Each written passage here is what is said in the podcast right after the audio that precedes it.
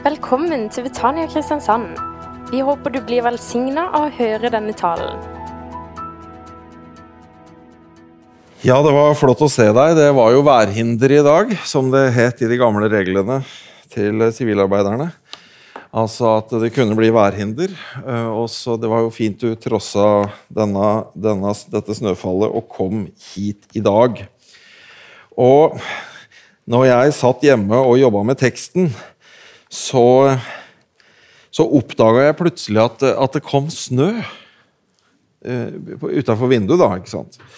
Det var ikke inne. Men, og da måtte jeg nesten le, for det, det står jo ikke så mye om snø i Bibelen. Men sannelig tror du ikke da at eh, jeg har fått med meg to ting om snø. Eh, Men det får du følge med, så får du se etter hvert. For det første som skjer i det vi skal snakke om i dag, det er at Natan kommer. Og det var ingen hvem som helst. Natan var profet. Han hadde overtatt en veldig sentral stilling eh, for den gamle profeten, han som var landsfaderen i Israel. Samuel han var død, og nå var det Natan som hadde denne rollen å kunne tale fra Gud inn til Israels nasjon og inn til selveste kong David. Herren sendte Natan til David. Han gikk inn til kongen og sa det bodde to menn i en by. Den ene var rik, og den andre fattig. Den rike hadde småfe og storfe i mengde. Den fattige eide ikke annet enn et eneste lite lam som han hadde kjøpt. Han alte det opp, og det vokste opp sammen med barna hans. Det spiste av brødet hans, drakk av begeret hans og lå i fanget hans. Det var som en datter for han. En dag kom det en vandringsmann til den rike. Men han kvidde seg så veldig for å ta noe av sitt eget småfe eller storfe for å lage i stand til gjesten. Han tok lammet som den fattige eide, og laget det til for mannen som var kommet. Da ble David brennende harm på mannen og sa til Natan.: Så sant Herren lever, den mannen som har gjort dette, fortjener å dø! Og han skal betale firedobbelt for lammet fordi han gjorde dette og var så hjerteløs. Ja, det er et dramatisk øyeblikk ved hoffet i Israels gamle kongedømme. Vi snakker 1000 år før Kristus. Vi snakker eh, da Jerusalem var på en måte ny som Davids by. Og han hadde fått bygd opp slottet sitt, og han hadde planer om å bygge tempel, men det måtte vente til neste generasjon før det ble ferdig. Og David han er Israels konge, den gamle kongen. Der det hadde vært en sånn konflikt. Saul han var ute av bildet, og andre som hadde vært med i den samtalen, var ute av bildet. Han var ubestridt kongen på Haugen. Ja, Jerusalem ligger jo høyt oppe, så han var kongen på Haugen. Og det er klart, Kongen vår det, han er jo øverst der på Karl Johan. Opp, det er jo oppoverbakke til kongen nå, hvis du kommer der nede fra Spikersuppa. Men han er jo ikke på samme måten kongen på haugen, han. For det er jo eh, folket, Stortinget, eh, regjeringen som bestemmer liksom hvordan retningen skal være her i landet. Så han er jo prisgitt. Og, og liksom i Grunnloven så heter det jo kongen i statsråd. Det, det betyr jo bare at han har en seremonirolle. Men kong David, han var sjefen. Det som ligner, det er jo de en, enevoldskongene vi hadde på sånn 1600- og 1700-tallet. De bestemte av og Å. Og i ordspråkene 1614 så står det sånn Kongens harme bærer bud om død. Bare som kongen bare ble sint, så kunne det være nok til at nå var det dødsstraff på gang. Så, altså, så det, det, Hans ord var lov. Det var ikke noe annen vei utenom det. Og David hadde en utrolig sterk posisjon.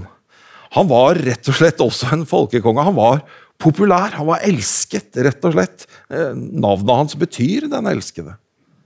Og han hadde jo vært på rømmen fra kong Saul. Det er liksom den spennende fortellingen i andre halvdel av første Samuels bok.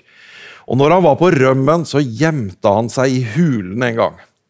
Adullams hule. Og det står da i 1. Samuel 22, de to første versene der, da sto det så dro David bort derfra og flyktet til hulen ved Adullam. Da brødrene hans og hele hans fars hus fikk høre det, kom de ned til ham der. Alle slags nødlidende, gjeldbundne og misfornøyde samlet seg om ham og ble høvding for dem. Om lag 400 mann sluttet seg til ham. Han var et samlingspunkt. Han var populær blant de som var på en måte som beskrevet her, egentlig litt sånn ute på kanten, som var misfornøyde, og som hadde gjeld, og som hadde det ene og det andre. Og de ville være sammen med kong David, han som skulle bli kong David, fordi de hadde tro på han, og hadde da mindre tro på kong Saul. Så gjemte de seg i en hule. Altså, hvor mye skulle til fordi du hadde flyttet inn i en hule? Hvor ille skulle det være for deg hvis du tenkte nei, nå blir jeg huleboer? Der er det koselig. Det fins jo forskjell på huler. altså Noen er jo så våte at du, du, du, du får jo gikt bare du titter inn. Men, men, andre huler er jo veldig flotte. Men allikevel, å flytte inn i en hule, da. Og venner i Betania, veit dere dette her? At dette er jo en av beskrivelsene på den viktigste menigheten for de frie venner. Erik Nordkveldes menighet i Oslo ble kalt Adullams hule. M40, det der. Ja, for, den, for 100 år siden. Der samlet det seg, de begynte å dra seg opp, og omkring 400 mann. De ble kalt Adullams hule. Det var deres eget kallenavn på det fellesskapet. Her samles vi i fellesskapet. Og gransk skal du finne at slik står det i de gamle bøker og gamle skriverier. Adullams hule. Her samles de nødlitte de nødlidende, de gjeldbundne, de misfornøyde, og ble, han ble høvding for dem. Så David hadde draget. Folk hadde kjærlighet til han. Og en kan jo tenke ja, hva, hva slags klientell var det der, da? Var det liksom bare fattige og svake mennesker? Vel, det får vi svar på et helt annet sted. På slutten av Davids liv så, så, remses det opp i et helt kapittel, eller nesten et helt kapittel, om Davids helter. Du skjønner Davids helter det er ganske interessant lesning. Jeg vet ikke, det, vet, er det mange her som har vært sånne sivilarbeidere? Det var jo sånn som det var før. Det var sånne, det var sånne pasifister. Du skjønner det at det var ikke noe sivilarbeiderforsamling han David hadde. Altså, det, det, unnskyld at jeg sier det, jeg har også vært sivilarbeider, så må ikke, må ikke tenke på det. Men det står om Davids helter i 2. Samuels bok, kapittel 23 og, og, og vers eh, 20. Der har jeg klippa ut én av fortellingene. Det er jo mange fortellinger der. Der står det Benaya. Sønn av Jojada. Ah, han høres jo ut som en nordmann. Jo da, ja da. altså det... Det ligger jo liksom at Han kunne være litt sånn omtrentlig. Men Benaya var ikke mye omtrentlig.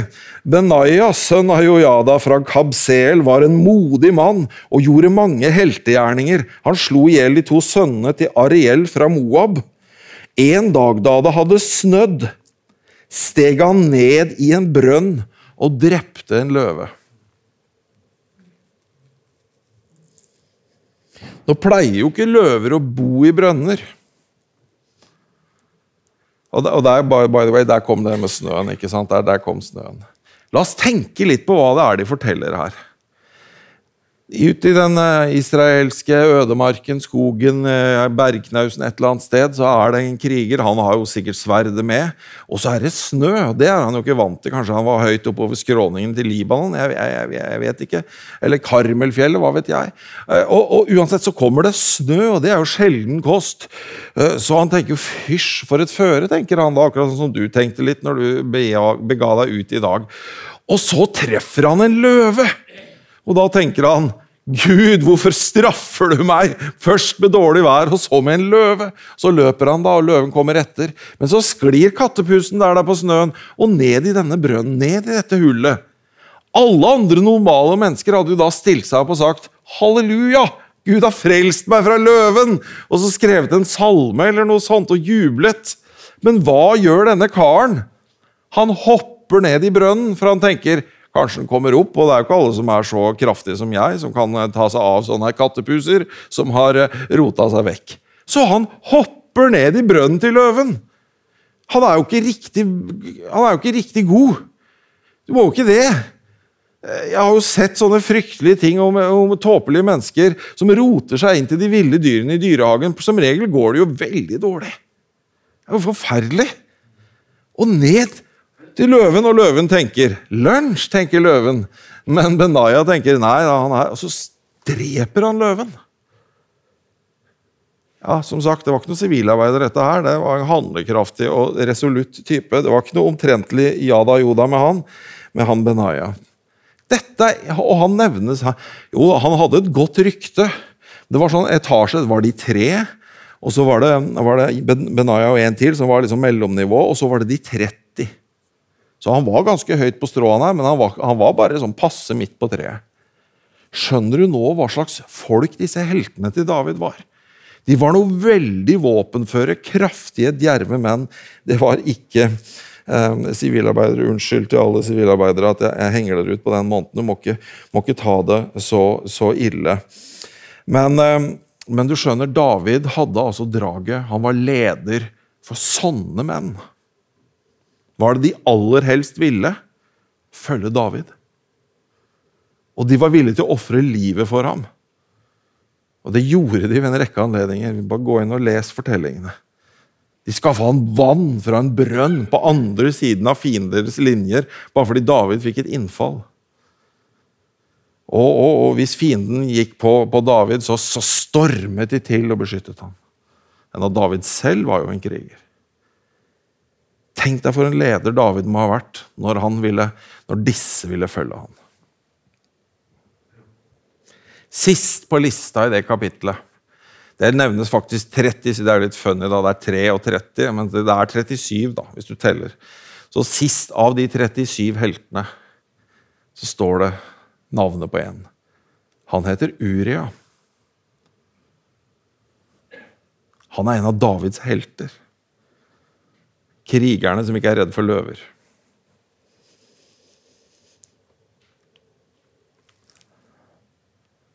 For historien som ligger bak denne fortellingen som Nathan fortalte, som vi hørte i sted, det er jo at David roter seg utpå og ligger med en kone, en kvinne han ikke er gift med. Det står da i 2. Samuels bok kapittel 11 vers 2-4.: En gang ved kveldstid sto David opp av sengen og gikk og drev på slottstaket. Fra taket fikk han øye på en kvinne som badet. Kvinnen var svært vakker. David sendte bud og forhørte seg om kvinnen. Han fikk svar dette er jo Batseba, datter av Eliam og kona til hetitten Uria. Det var altså kona til en av Davids helter. Det var ikke noen hvem som helst. Det var ikke en ufarlig mann på noen måte. David sendte bud etter henne. Hun kom til ham, og han lå med henne. Og David, han som liksom eh, beskrives som en mann etter Guds hjerte, hvordan kunne du gjøre dette her? Det er jo en fiasko. Det er jo, det er jo sørgelige greier. Det er jo veldig dårlig. Og ikke bare det. Det er jo bitte lite grann farlig. Eh, fordi eh, har, du tenkt å slåss med Uria? Eller jeg er ikke sikker på om jeg vil det, for å være veldig direkte. Så skjer da det som holdt på å si måtte skje. Hun blir gravid. David hun, han sender beskjed, og da tenker jeg at du tør. altså Da må jo folk vite liksom, Noen blir sånne sendebud med, med lapper, eller hva er det som skjer? Og, og, og, da tenker David jeg må få løst dette her. Så han sender bud, for hæren er i krig, og han sender Gud, bud til general Ur, Joab. Send Uria hjem, han trenger velferdspermisjon. Og da kommer Uria hjem, men han er en av Davids helter. Så han sier Gud selv bor ikke i hus. Apropos de holder på med tabernaklet ennå og har ikke bygd tempelet. Og hele Herrens hær bor ikke i hus, de bor i telt på stridmarken, på, på, på, stridsfeltet. Så jeg skal ikke bo i hus, sier han, og legger seg utpå trammen og sover. Han går ikke inn til kona si, og det er jo hele poenget. Som David har klekka ut, at han skulle komme hjem og, og ligge med hun, og så skulle liksom, eh, det, det der passe med sånn åtte og en halv måned, og så skulle det liksom glattes over det han hadde gjort. Så han nekter å gå inn. Og drar ut igjen når permisjonen er over. Og da slår David i bordet og bruker sin kongsmakt på denne måten. Vers 14 og 15. Neste morgen skrev David et brev til Joab, det er generalen, og sendte det med Uria. Tenk at han turte det. I brevet skrev han Sett Uria lengst framme, der kampen er hardest. Dra dere så tilbake fra ham, så han faller og mister livet. Så Uria fikk med seg det som post. Det er jo ikke derfor det heter Urias post, da, men eh, du kan jo tenke litt på det. Det var Urias post. Urias post det betyr å få et oppdrag som er designa for at du skal mislykkes. Profeten Nathan sier ved en anledning du har drept Uria ved Ammons barns hånd. For det var ammonittene de kriga mot. Og Generalen gjennomfører dette, og Uria blir drept på stridsfeltet med dette feige knepet. Så er Batseba da enke, det ble en sørgetid. Og så gifter David seg med henne, og det blir da hans måte å prøve å dekke over det som har foregått. Da kommer Nathan. Og han forteller fortellingen du hørte til å begynne med i dag. Og David går rett på, vet du. David går rett på. Denne mannen er skyldig! Hvem er han? Skal, han skal fortjene dødsstraff. Han skal betale fire ganger for det derre lammet. Og da smeller det fra profeten Natan. Du er mannen! Du er mannen! Det er dramatisk. Det er veldig dramatisk. Jeg vet ikke om jeg ville vært til stede. Altså, det er så dramatisk at det kanskje er greit å ikke ha vært der òg. Det er spennende. Hva sier David nå? Nathan kunne vært ferdig med ett ord. For David har ingen som taler imot ham.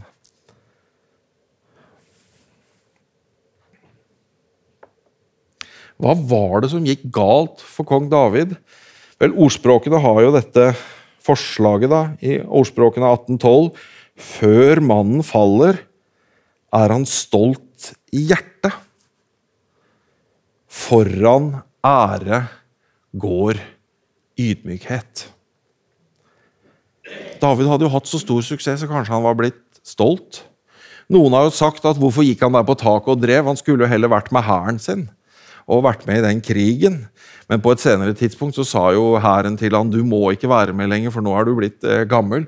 Og du er mer verdt enn hele Guds folk, så vi må beskytte deg. Du må holde deg hjemme.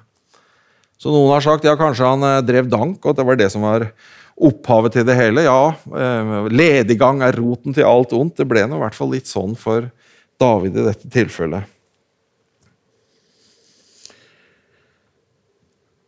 David hadde bygd seg et stort slott. Og der gikk han på taket og drev. Og rundt byen var det mange små hus. Hva skulle Batseba gjøre da? Hun hadde bare ett sted å gjøre av seg når hun skulle bade seg. Det var i bakgården.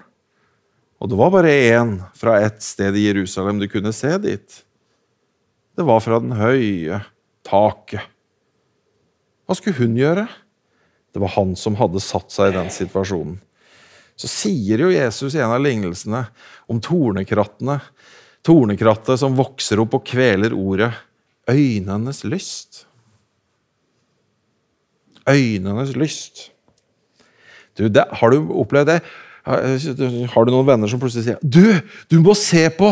Du må se på! Må, jeg har hørt så mye av det de siste par åra. Du må se på det der! Du må se på det der! Og så er det 477 episoder av 44 eh, viktige TV-serier som du kan kaste bort. Vet, nå har det blitt sånn at du kan kaste bort livet ditt på bra TV-program. Før så kunne du bare kaste livet på dårlige ting. Nå kan du faktisk kaste bort livet ditt på å se bra ting. Og så sier folk til deg du må se på det! Du må se på det! Du må se på det! Ja da, ja da, ja da. Jeg vet ikke om jeg kan se på mer, jeg.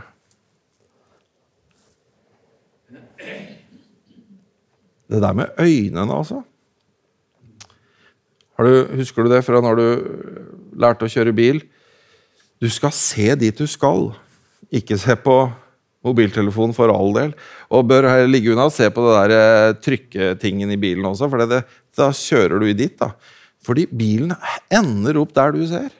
Det er, helt, det er nesten magisk. Hvis du ser dit du skal, så, så, så, så ender det opp at hendene styrer bilen ca. dit du skal. Du må se dit du skal. Øynene har noe med seg. Det styrer, Vi styrer liksom etter øynene. Så det derre Vi må tenke litt på hva vi ser på. Det er ikke alt en kan se på som vi bør se på. Og det er jo en konfrontasjon når Nathan står der og sier 'Det er du som er mannen'. Du har drept Uria ved Ammons barns hånd, og du har gjort sånn og sånn med Batseba. Men så svarer kongen Så svarer kongen eh, i 2. Samuel 12, 13 Jeg har syndet mot Herren. Det er vel derfor at David på en måte får denne tittelen. At han var en mann etter Guds hjerte. For hans neste svar er det rette svaret. Han sier 'jeg er skyldig'. Det er meg. Jeg har syndet mot Herren. Og Nathan svarte, så har da altså Herren tatt bort din synd. Du skal ikke dø. Hvis du ser hele historien i sammenheng, så kommer det noen voldsomme løfter om dom og straff og ulykke som skal ramme David. Og hele opprøret som kommer senere med hans sønn Absalom, det oppfatter David, og Bibelen forteller at det er straff til David pga. det han her har gjort. Så det er en veldig sånn dobbelthet. Han får tilgivelse, men han må leve med straffen. Han får tilgivelse, men barnet som er i Batsebas mage, det dør. Det dør, det barnet. Så det er litt sånn gammeltestamentlig tilgivelse. Det er litt sånn tilgivelse med straff. Men det er faktisk sånn i Det nye testamentet. Det er sånn for meg og deg også. Det er bare det at Jesus har tatt straffen. Det er bare det at han var den som ble pisket. Det var han som ble kronet med en tornekrans. Det var han som ble spikret fast. Det var han som fikk et sverd stukket inn i sitt døde kropp. Det var han som ropte ut 'Min Gud, min Gud, hvorfor har du forlatt meg?' Det var han som ropte ut 'Tilgi dem, far, for de vet ikke hva de gjør'. Det var han som ropte ut 'Det er fullbrakt'. Så revna forhengets, tempelets forheng fra øverst til nederst, og nådestolen ble blottlagt. Nytestamentlig nåde. Jesus tok straffen på korset. Det står i 1. Johannes brev, kapittel 1, vers 7. Jesus, Guds sønns blod, renser fra all synd. Og det står noen vers senere Han er en soning for våre synder. Ja, ikke bare for våre, men for hele verdens. Og så, og Hvis du begynner å grunne på dette, så kan man jo bli provosert. Det betyr jo at alle store, fæle syndere er innesluttet i det verset. Også de som ikke angrer. Også de som håper, jeg, gjør det med et glatt uh, ansikt. De som gjerne gjør det om igjen. De er inkludert. Han er en soning for våre syndere, og ikke bare våre, men for hele verdens. En forfatter skrev nåden er skandaløs, for den er altfor raus. Den, den, er så overdrevet at det, det kan provosere oss med ørlite grann rettferdighetsfølelse. Tenk litt på det. Ikke bare de med noen få små synder, men de med alle verdens elendigheter på samvittigheten, er innesluttet i det Jesus gjorde, hvis de bare vil ta imot, hvis de bare vil tro. Du skjønner, det er noe fantastisk med det å bli tilgitt. Akkurat det der er liksom noe som er på synkende kurs i vår tid. Bare se i Salme 32. En salme David skrev, står det. Der står det 'Salig er den som får sine lovbrudd tilgitt, sine synder skjult'. Kjenner du deg igjen? At du kan få den saligheten. Salig er det mennesket som Herren ikke tilregner skyld, som er uten svik i sin ånd. Når den derre lettelsen kommer, når tilgivelsen er der, når du får ren samvittighet Det er, det er som oppdrift. Det. det er som du løftes opp. Og du er ikke lenger i det dype dyn, men du løftes opp og settes på en klippe. Så lenge jeg tidde, ble mine knokler tært bort mens jeg stønnet hele dagen. For dag og natt lå min hånd tungt på meg, min livssaft svant i sommerens hete. Sela. Da bekjente jeg min synd for deg og skjulte ikke min skyld. Jeg sa, jeg vil bekjenne mine lovbrudd for Herren, og du tok bort min syndeskyld. Sela. Det er mulig i dag, det, vet du. Det er mulig for deg og, og han og hun. Tenk på en umulighus nå, som du ikke liker. Ja, like mye for umulighusen som for deg. Like mye for de som ikke går i noen kirke, som oss som er her i Betania i dag. Vi får ikke noe fortrinn med at vi har trådd inn her. Vi får ikke liksom plusspoeng hos Gud. Vi har ingen plusspoeng å få hos Gud, for vi, kan ikke få noen flere enn de vi har fått med Jesus. Det, er det store plusspoenget. Men du skjønner, når det der vi settes i verk, når vi pakker opp gaven, når vi ber om den tilgivelsen, så får vi den tilgivelsen. Da skjer det noe. Og du skjønner, jeg tror aldri det hadde vært gøy om jeg, om jeg veide mindre, altså, for jeg følte meg så lett den dagen. Da jeg liksom ga livet mitt til Jesus. Jeg, jeg følte jeg fløy. Skjønner, skjønner, du hva jeg snakker om? Jeg, liksom, bare, jeg, husker du han der eh, med sju somre og sju Nei, han derre uh, Ivo Caprinos tegnefilm, han der som hadde lenker på føttene for han, han kunne løpe til verdens ende. Sånn føltes det. Å være en sånn som nesten kunne fly. Fordi du hadde blitt tilgitt, du hadde blitt ren, du hadde fått noe nytt inn der hjertet. Jeg tror jeg har sagt dette før, men når jeg var litt yngre, så var jeg veldig sint på det og jeg skal vise deg. Synsbekjennelsen. Der står det, vet du, dette er vel kanskje den gamle fasongen, Hellige Gud, himmelske Far, se i nåde til meg, syndige menneske, som har krenket deg med tanker, ord og gjerninger, og kjenner lysten til det onde i mitt hjerte. For Jesu Kristi skyld, ha langmodighet med meg. Tilgi meg alle mine synder, og gi meg å frykte og elske deg alene. Jeg husker jeg var sånn irritert på det her. Jeg tenkte jeg er jo ikke syndig, jeg er jo rettferdiggjort av tro. Så jeg protesterte litt på den måten. Og så protesterte jeg. jeg. Jeg kjenner lysten til det onde i mitt hjerte. Nei, sa jeg, det er jeg ikke enig i. Jeg kjenner lysten til det gode, protesterte jeg. For Det står jo der i Bibelen. vet du. Det gode jeg vil, det gjør jeg ikke. Det onde jeg ikke vil, det gjør jeg. Ja da, jeg, jeg tilsto det, altså. Det var ikke det. Men det var liksom den der ungdommelige lysten etter å leve rent. Har du lyst til å leve rent? Så har årene gått, da, så har jeg tenkt ja, de har et poeng her likevel.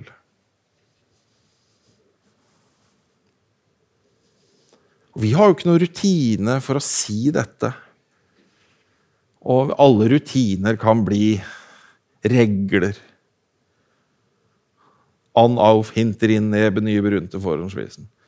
Ja, det er tyske preposisjoner som tar henholdsvis dativ eller akkusativ, alt etter som. Det blir en regle, vet du. Og sånn kan det bli med Fader vår og synsbekjennelse også. Men du vet, det å faktisk sette ord på det, har en verdi. Det har en verdi, også for oss som er kristne. Og det å være oppriktig overfor Gud og si 'tilgi meg', gjør meg ren. Det der var ikke riktig av meg. Det har en verdi. Og så kan han jo tenke vel han kan tenke hva han vil, i tråd med det jeg sa i sted, men altså, er, Jesus må jo få lov til å ha det siste ordet. Se hva han sier i Markus 7. Han dømmer hjertene våre ved å si 'for innenfra', fra menneskehjertet, kommer de onde tankene. Han dømmer tankene. Det er jo fristelser vi ikke har levd ut, ikke sant? så det er jo fint. Men fristelsen, hvor kommer den fra? Fra hjertet. Så lister han opp, da, hutte meg tu. Hor, tyveri, mord, ekteskapsbrudd, grådighet, ondskap, svik, utskeielser, misunnelige øyne Ja, der hadde du øynene igjen, ja. Spott, hovmod, vettløshet. Vettløshet, ja, det er jo interessant. Alt dette onde kommer innenfra og gjør mennesket urent. Ja. ja. Jesus har sagt at det, det kommer her i sjelen. Ikke blodpumpa, ikke den betydningen, men i det indre mennesket. Jeg syns at det som gjør at David fortsatt fortjener å være en mann etter Guds hjerte, at han, Bibelen kaller han det, det er nå det jeg nå skal trekke fram. For ut av denne elendige situasjonen så skriver han en salme som er så intens at vi må bare snakke om den. Det er nummer 51. Og den begynner sånn som dette til korlederen en salme av David da profeten Natan kom til ham etter at han hadde vært hos Batseba. Akkurat den situasjonen vi har sett på i dag. Og hvordan begynner det? Vær meg nådig, Gud, i din kjærlighet. Stryk ut mitt lovbrudd i din store barmhjertighet. Vask meg ren for skyld. Rens meg for min synd. Den bønnen kan vi ta med oss. Den bønnen er med oss. Og hele Salme 51 er ganske rik, så jeg må ta noen høydepunkter i vers 8 og vers 9. Se, du gleder deg over sannhet i mitt indre. Du lærer meg visdom i det skjulte. Ta bort min synd med isopp, så jeg blir ren. Vask meg, så jeg blir hvitere enn snø. Hvitere enn snø. Har ingenting med hudfarge å gjøre. Det handler om hjertet. Og det blir ren i hjertet. At alt det svarte, det kan vaskes bort. Det kan slettes ut. Og så kan tilgivelsen komme. Så kan det gjenopprettes, det som er blitt ødelagt gjennom det som er blitt sagt, det som er blitt gjort, gjennom det som er blitt utelatt. Og så er det sånn at David i denne smørjen som han har rota seg opp i. Han klarer å sette ord på det noe som er helt essensielt for oss som er kristne i dag, 3000 år senere. For han sier fra vers 12.: Gud, skap i meg et rent hjerte. Gi meg en ny og stødig ånd. Driv meg ikke bort fra ditt ansikt. Ta ikke fra meg din hellige ånd. Gi meg igjen gleden over din frelse, og hold meg oppe med en villig ånd. Så midt i denne situasjonen så kjenner han ja, men nå har ånden veket fra meg. Ble, han ble jo salvet av profeten Samuel da han var en liten gutt i familiens krets. Han var jo denne gutten som ikke var regna med. Han så på de sju storebrødrene hans og han tenkte han ser fin ut, og han ser fin ut, og han ser fin ut. Men så kom stemmen til profeten. Det er ikke han. Det er ikke han. Jeg har forkastet han. Har du ikke enda en sønn? Tenk deg å få den beskjeden når du viser ham sju sønner. Og så har du ikke en til. Jeg syns jo sju var veldig bra. Jeg er fornøyd med to. Jeg, altså, jeg har jo to, så jeg er jo glad for de. Men da fikk han beskjed jo, jeg har en til. Ja, hent han, da. Hent han ut fra sauene. Ja, men han er bare en gjeter. Ja, men hent han, da. Og der i den kretsen så salves David med oljen. Det blir noe nytt. Han kan kjempe mot løve og, og, og, og, bjørn når han skal beskytte sauene. Og, han klarer med slyngen å ta livet av dem. Og han kan krige ned selveste kjempen Goliat, som skremmer vannet av hele Israels hær. Han kan spille på harpe, så alt det onde som kommer over Saul, det, det mildne som forsvinner. Han bringer ånden inn. Han går gjennom denne forfølgelsen han opplever fra kong Saul, uten at hjertet hans blir ødelagt. Han bevares, og han kjenner at ånden er nær. Og når det er vanskelig, så sier han til presten eller den han har for hånden, kom, kom her med den hellige tingen. Vi må høre hva Gud sier. Vi må høre hva Gud sier. Led oss, Gud, hva skal jeg gjøre nå? I den knipa vi er i nå. Han hadde kjent Den hellige ånd, og nå var ånden fjernere. Kan vi også ha det sånn? Vi kan også ha det sånn. Vi kan kjenne at ånden er nær, og så kan det noen gang glippe litt fra. Og da har vi denne bønnen. Skap i meg et rent hjerte Gi meg en ny og stødig ånd. Driv meg ikke bort fra ditt ansikt. Ta ikke fra meg din hellige ånd. Kom, Hellige Ånd.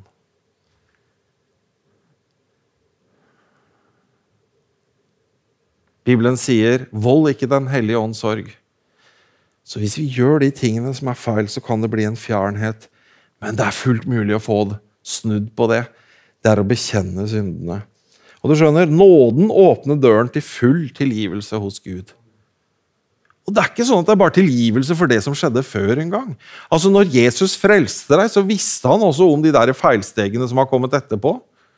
Og det du måtte ha gjort nå i det siste. Det var med i regninga, det, når han betalte den.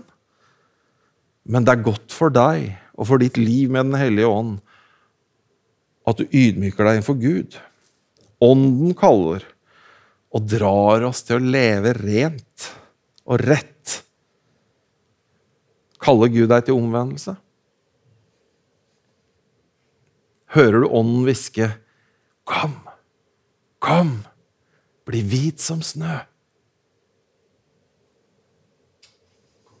Bibelen beskriver en vei. Bekjenn og bli ren. Det står i 1. Johannes brev, kapittel 1, vers 9. Men dersom vi bekjenner våre synder, er Han trofast og rettferdig, så Han tilgir oss syndene og renser oss fra all urett. Hvit som snø. Hva syns du om det bildet jeg fant der? Det ble ikke helt sånn her i dag, men du ser det der vakre, klare Vi, vi blir vel glad av bare å se på det bildet. Se på det derre jomfruelige, ubesudlede, frie, åpne landskapet. Sånn kan det bli i ditt hjerte, i alles hjerte, når du ber om tilgivelse for det som ligger der og gnager. Og så blir du fri.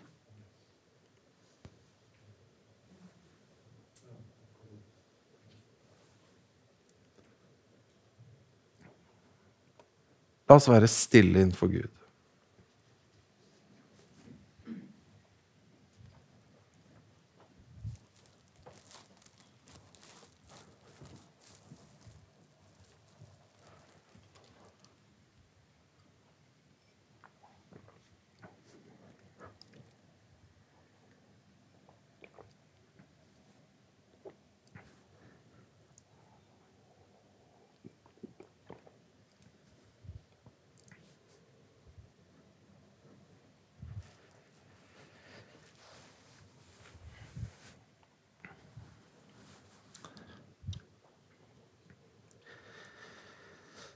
Kjære Jesus.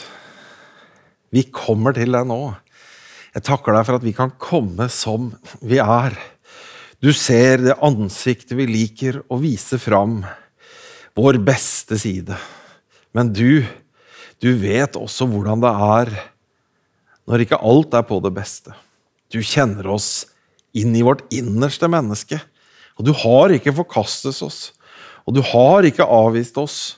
Og du har ikke sagt 'jeg kan dø for alle', unntatt den eller den eller den. Du gikk i døden for alle.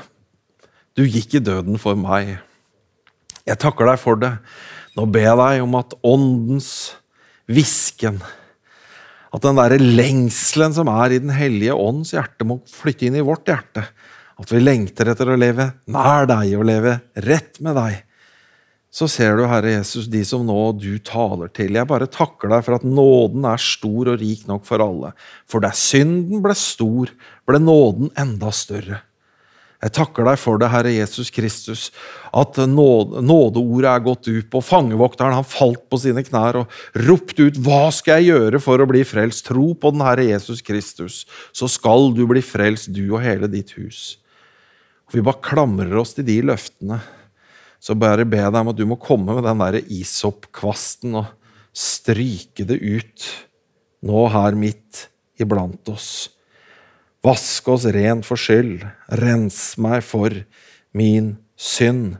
Ta bort min synd med isopp så jeg blir ren. Vask meg så jeg blir hvitere enn snø, Herre Jesus Kristus. Jeg takker deg for at du har sagt om mine synder er så røde som skarlagen så skal du bli borte. Jeg takker deg for at du har sagt at du skal kaste alle mine synder bak din rygg. Du ser dem aldri mer. For så langt som øst er fra vest, er de borte fra meg. Jeg takker og priser deg for disse løftene, og jeg ber deg at de skal virkeliggjøres i våre liv, så ikke det skal ligge der og gnage. Denne urenheten, det som er uoppgjort, det som vi venner oss til å leve med, men at vi kan få vende oss om fra det, Herre, og bare nyte i fulle drag din nåde, og leve med deg i Den hellige ånds ledelse. Det ber jeg deg om. I Jesu navn. Amen.